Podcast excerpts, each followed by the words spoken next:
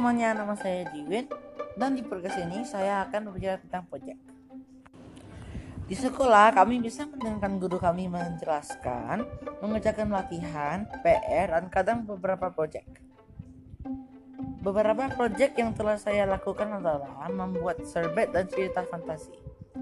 Saya menggunakan selembar kain, cat, dan beberapa bahan lain untuk membuat serbet dan saya menggunakan laptop saya untuk membuat cerita saya.